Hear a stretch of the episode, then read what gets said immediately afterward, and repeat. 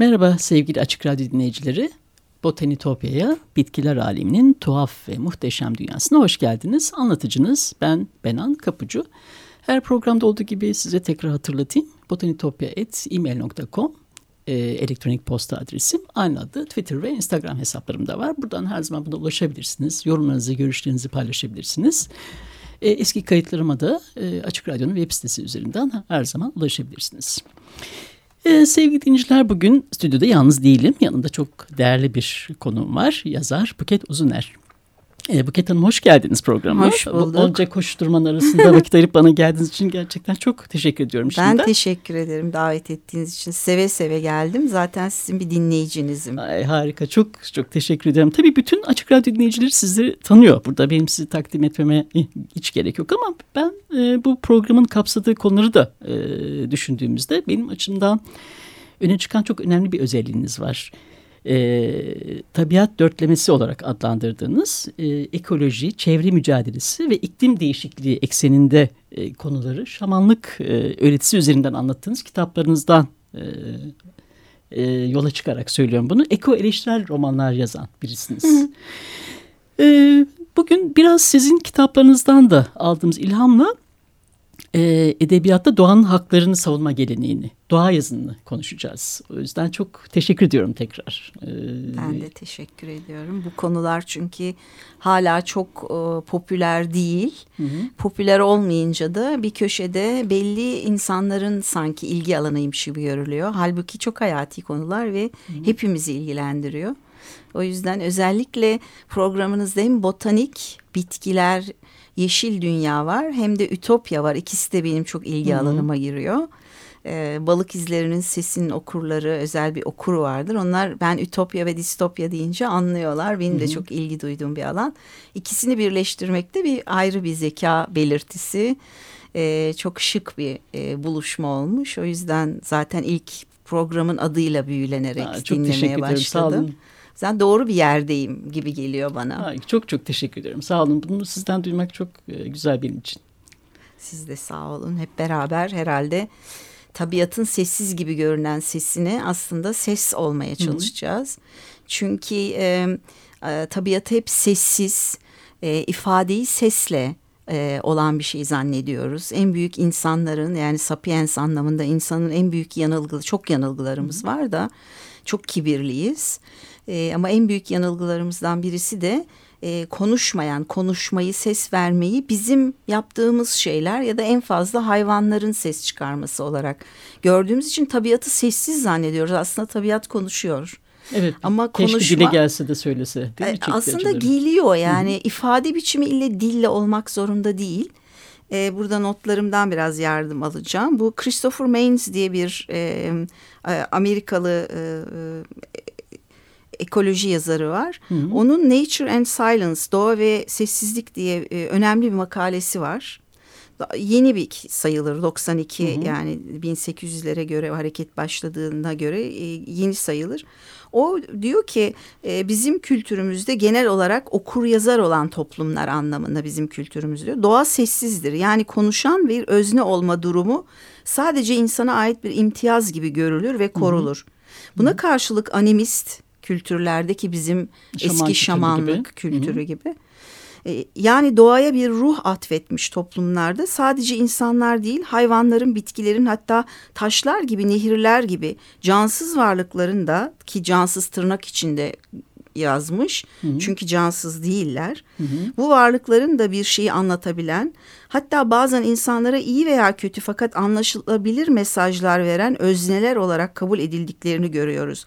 Burada insan diline ek olarak kuşların, rüzgarın, solucanların, şelalelerin, ağaç kakanların birer dili vardır diyor. Hmm, Bizim unuttuğumuz zannederim bu.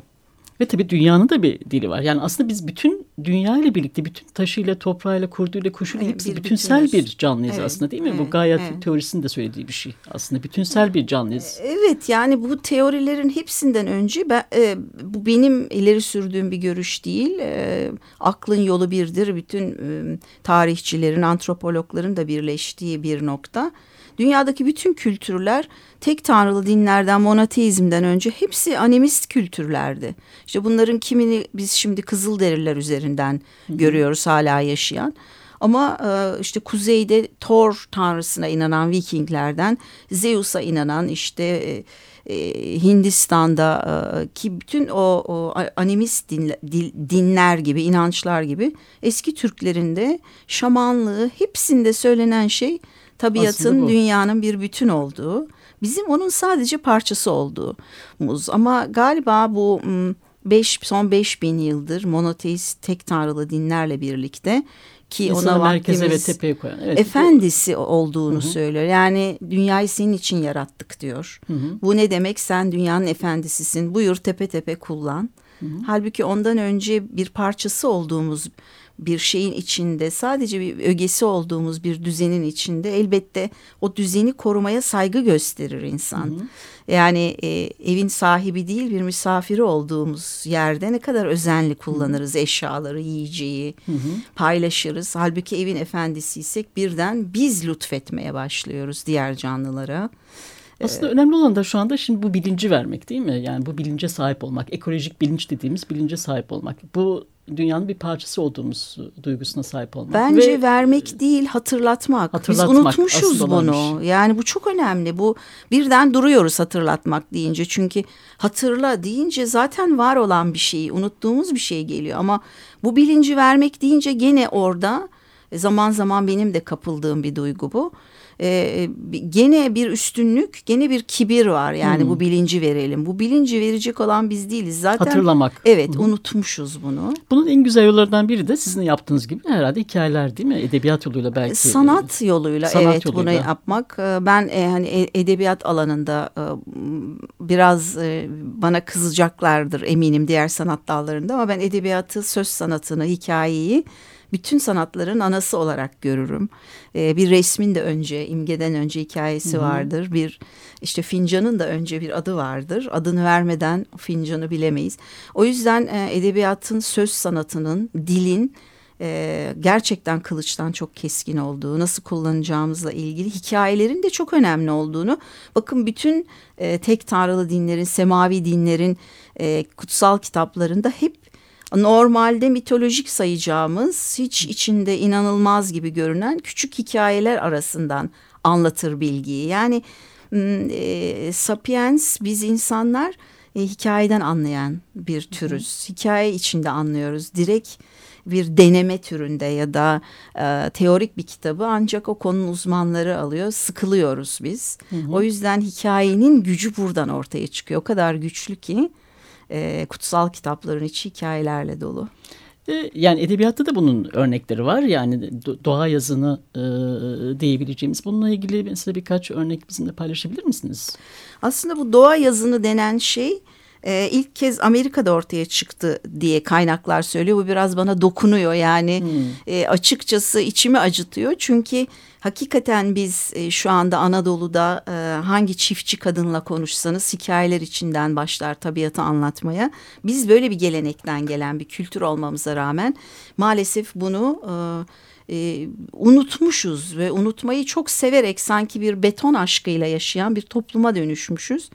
Ama bu edebiyatta şimdi önemli bir ekol olarak e, ekokritisizm olarak adlandırılan fakültelere e, bölümler açılan bu e, çevreci eleştiri aslında 20. yüzyılın ortalarında bir edebiyat türü olarak kabul görüyor. Hı hı. Türkçe'ye doğa yazını ya da çevresel eleştiri şeklinde çevrilen bu tür e, henüz tam Türkiye'de yerleşmedi. Ancak yabancı m, edebiyat fakültelerinin bölümleri içinde yer alıyor. Yani örneğin Amerikan dili ve edebiyatında hmm.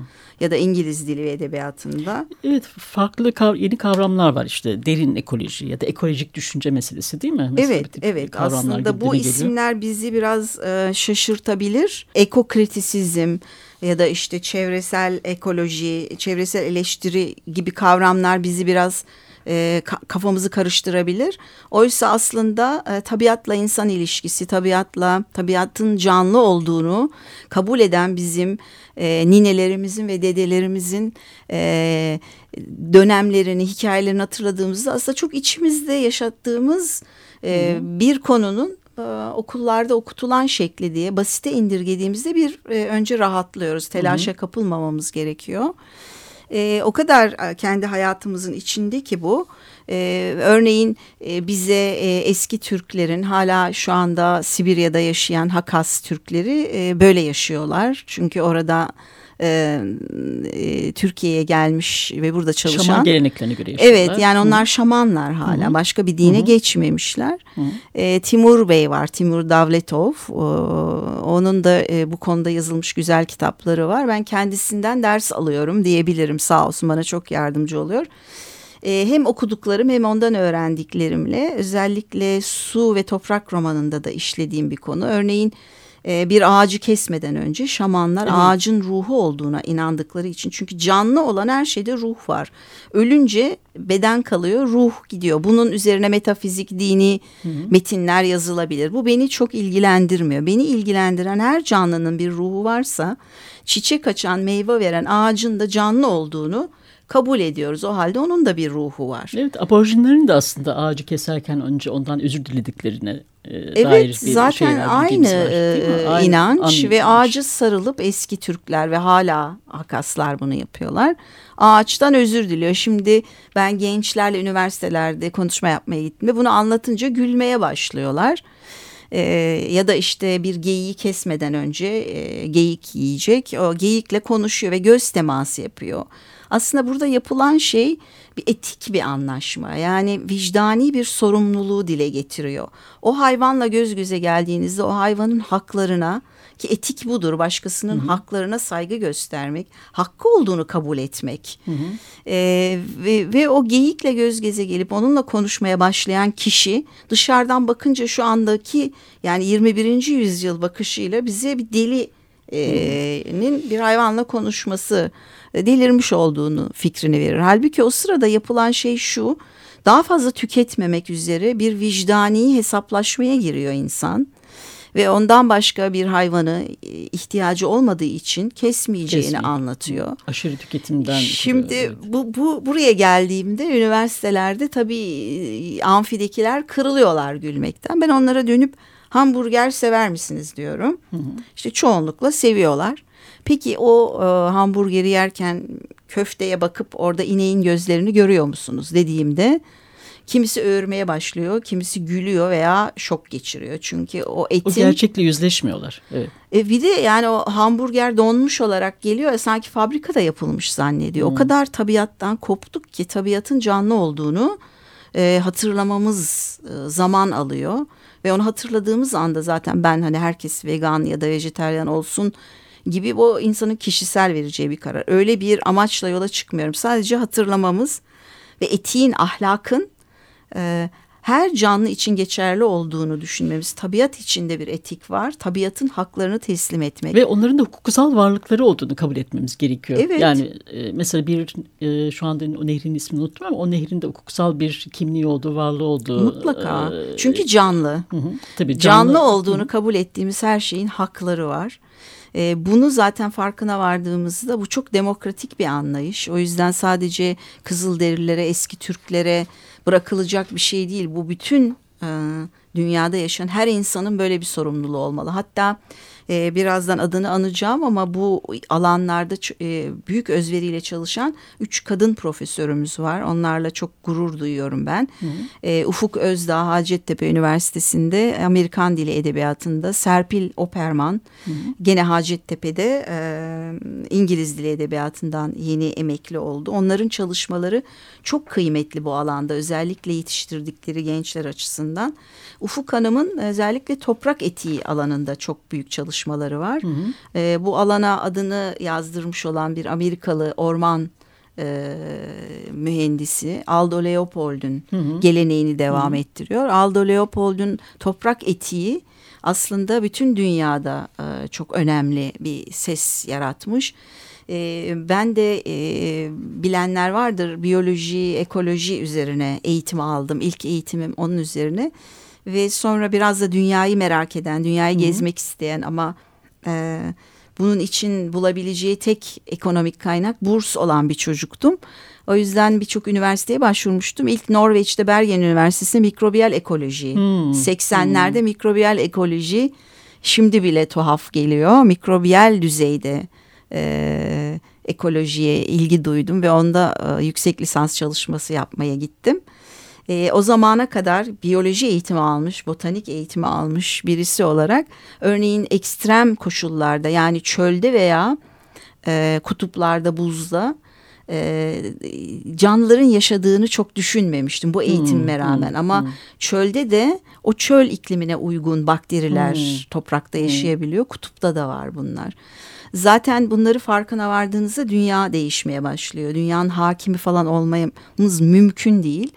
Ve zaten şu anda yaşadığımız ekonomik, e, ekolojik e, kriz artık e, iklim değişikliği denmiyor biliyorsunuz. İklim, iklim krizi, krizi deniyor. deniyor evet. Şu anda yaşadığımız şey aslında kendimizi her şeyin efendisi zannetmek ve e, sadece e, parayla yaşayabileceğimiz, paranın getirdiği güçle mutlu hmm. olabileceğimiz sanmak ve herhalde bildiğimiz dünya tarihi, insanlık tarihi içinde en mutsuz olduğumuz yüzyıldayız şu evet, anda. Evet bir de felaketle karşı karşıyayız şu anda. Bir milyon türün e, çok yakın bir gelecekte yok olacağına dair Birleşmiş Milletler'in bir raporu Bunun var. Bunun etik olarak ahlaken, vicdanen bizim üzerimizde çok büyük psikolojik bir sıkıntı yarattığını düşünüyorum ben. Yani ben psikiyatrist değilim.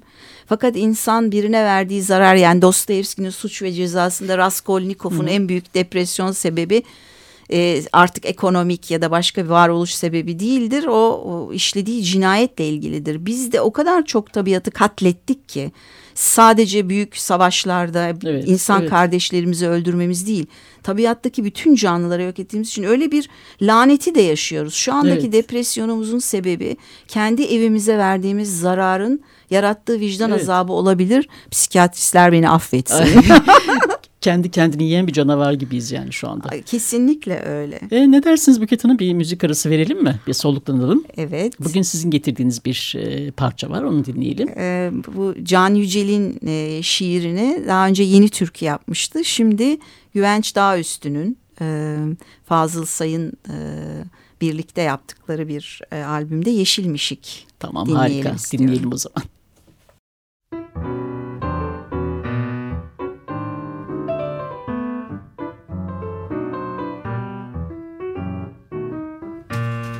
Çift yaprakmış dalında yumuşacık. Tutmuşum tutmuşum ellerinden senin. Düşmüşüz yavaşça bir sakin derenin içindeymişik yeşilmişik Sazmışık. İçindeymişik yeşilmişik Sazmışık. Balıklar gibiymiş Sessiz ve karanlık Yüzermiş saçların Yüzermiş nefesin.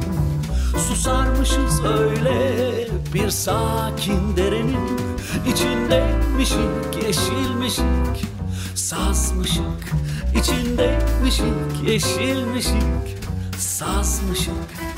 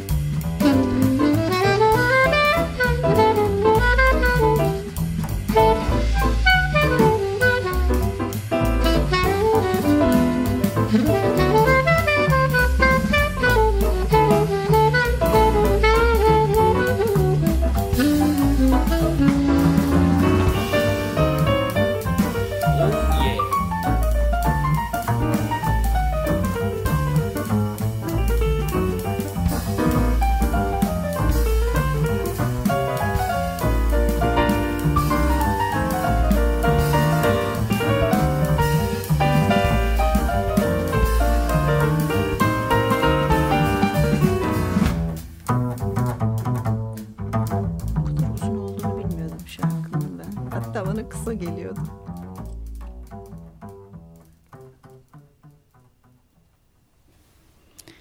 Merhabalar, 94.9 Açık Radyosu'nuz. Ee, sevgili konuğum yazar Buket Uzuner'le doğa yazının üzerinden konuşuyoruz. Evet, e, Buket Hanım biraz Türk edebiyatına baksak mı doğa yazını konusunda ne dersiniz? Elbette. Son beş dakikamız kaldı. Ee, elbette çünkü aslında e, sanki doğayla, e, doğa yazınıyla, eko kritisizmle, ekofeminizmle sanki sadece batılılar uğraşmış gibi e, bir izlenim doğuyor. Oysa bizim edebiyatımızda ta 70'lerde 60'larda e, özellikle Said Faik Hı -hı. hikayelerinden başlayarak e, denizle ilgili kuş balıklarla ilgili kuşlarla evet, ilgili. yani bütün öykülerinde o hışt hışt diye mesela e, bitkiler konuşur, ağaçlar konuşur. Son kuşlarında mesela değil mi öyle bir not o, Yani o, o bütün çocukken mesela şimdi bebekleri çocukları olan bizi dinleyen herkese söylüyorum. Yani çocuklarınızı bununla uyutun. Said Faik'le uyutun ve Hı. tabiattan hışt hışt diye bir ses gelir. Onu bulamaz ha. bir türlü. Tabiatın konuşunu. Yaşar Kemal'i tabii anmadan asla Hı. geçemeyiz. 70'lerde e, onun özellikle e, e, Deniz Küstü romanı çok hmm. kıymetli. Halikarnas balıkçısı ta 45'te Aganta Burina Burinata'yı biliyorsunuz evet, yazıyor. Evet evet Mavi Necati, Sürgün'de de çok bahseder. Evet Necati Cumalı'nın Susuz Yazı. Hmm. Ee, yani orada aslında kuraklık romanı. Evet evet doğru orada bir su savaşı vardır. Evet yani aslında tabii o, o biz e, onu hep işte oradaki o tecavüzle falan hatırlarız o roman e, o roman tabii ben roman diyorum kusura bakmayın hmm. filmi sonradan aklıma geliyor. Ama e, aslında romanın ana karakteri kuraklıktır. Susuz yaz. Fakir Baykurt'un Kaplumbağaları 80 hmm. yılında. Hmm. Ee, sonra Latife Tekin'in Berci Kristi Çöp, Çöp masalları, masalları önemli. Evet. Ben e, iki yeşil susamuru kendimden bahsetmekten biraz ayıp ol, Aa, yo, yo, gibi tabii, biz tabii ben de öyle bir kuşak ben eğitimden iyi aile çocuğu eğitimi böyle başımıza dert oluyor ama. Orada biraz Yeşiller Partisi. Evet e, nedense o romanda var. hep susamurları sanki bir çocuk kitabıymış gibi algılanır. 90'ların başındaydı değil evet, mi? 91 Hı. yılında çıkmış bir roman ve Yeşillerin Yeşiller Partisi ile ilgili bir roman. E, o alanda belki de öncülerden birisidir. Yani şeye gelmeden önce e, tabiat dörtlemesi su, toprak, hava, ateşe gelmeden çok yıllar önce böyle bir şeyi zaten ilgi duyuyormuşum demek ki. Bir de e, çok okunmayan e, benim kendime en yakın hissettiğim romanım e, Balık İzlerinin Sesi. Yine bir balık var orada. E, o romanı da şimdilerde e, daha yeni kuşak okur e, distopya, ütopya üzerine tezlerde hmm. kullanıyorlar. Hmm. O romanın da e, hani şey e, sonunu söylemiş olmayayım ama romanda bir bir yerde de e, dünyaya yararlı işler yapmak isteyen ilkeleri e, ve ülküleri olan insanların yani etik e, kavramına çok değer veren, ahlaka, vicdana değer veren insanların dünyayı terk etmesi tehdidi hmm. karşısında hmm. büyük bir ekolojik e, kıyamet kopar ve dünyanın bütün suları bir kara delik hmm. gibi bir yerden yok olurlar balıklarla birlikte. O da 92-93 yıllarında. Evet bugün belki bunu yeni bir bilinçle bunu okumak aslında hoş olabilir. Yani eğer okumamış olanlar varsa. Evet ben de şimdi yani e, o işte 20'li 30'lu yaşlarımda yazdığım kitapları şimdi buradan bakarak e, başka birinin yazdığı genç bir yazarın yazdığı kitap gibi görmeye başladım doğrusu. E, tabii bunları söylerken Hikmet Birant'ı anmadan asla evet, asla evet. geçemeyiz. Hı. Onun için ayrı bir program yapmak evet, evet, lazım. Evet mutlaka değil mi? Alıç Ağacı'yla e, Evet Anadolu manzaraları. Anadolu manzaraları ve, muhteşem. Türkiye'de e, bize şu anda bile tuhaf e, yeni gelen bir şey. Bitki sosyolojisini 1904 doğumlu Evet bitki sosyolojisi bir kavram. Evet bunu kuruyor Ankara Üniversitesi'nin Fen Fakültesi'nde. E, bence e, zaten Hikmet Birant Cumhuriyet tarihimizin Cumhuriyet'in bu ülkede yarattığı eğitim reformu mucizelerinden birisi. 1904'te doğmuş birisi. Hmm. E, Atatürk'ün Cumhuriyet eğitim reformlarından yararlanarak Almanya'da okuma fırsatı hmm. buluyor ve geri dönüyor orada kalması kalabilirken çok daha rahat yaşayabilecekken dönüp Türkiye'de çok hmm. önemli işler Bence bu çok önemli. Sizinle e, bu konuda bir program yapalım. Ee, İsterim ben de evet. Harika bir sohbet. Çok teşekkür ederim katılıp geldiğiniz için. Hikmet Birant üzerine konuşmak üzere sözünüzü de almış olarak tamam. o zaman programı ben de kapatıyorum. Ben teşekkür ederim ve çok e, değerli bir program. Hem bitkilerle, tabiatla ilgileniyoruz hem de Ütopya ile ikisi aslında sizin programınızda çevreci eleştiri alt başlığı konabilir ha. diye umuyorum. Tekrarlarız bununla ilgili konuları. Çok çok teşekkür ben ediyorum. Ben teşekkür ederim. Evet sevgili dinleyiciler Botanitopya'daki keşif yolculuğumuz bu hafta buraya kadar. E, Buket Uzuner'le sohbet ettik doğa yazının üzerine. Tekrar görüşünceye dek sevgiyle ve doğayla kalın.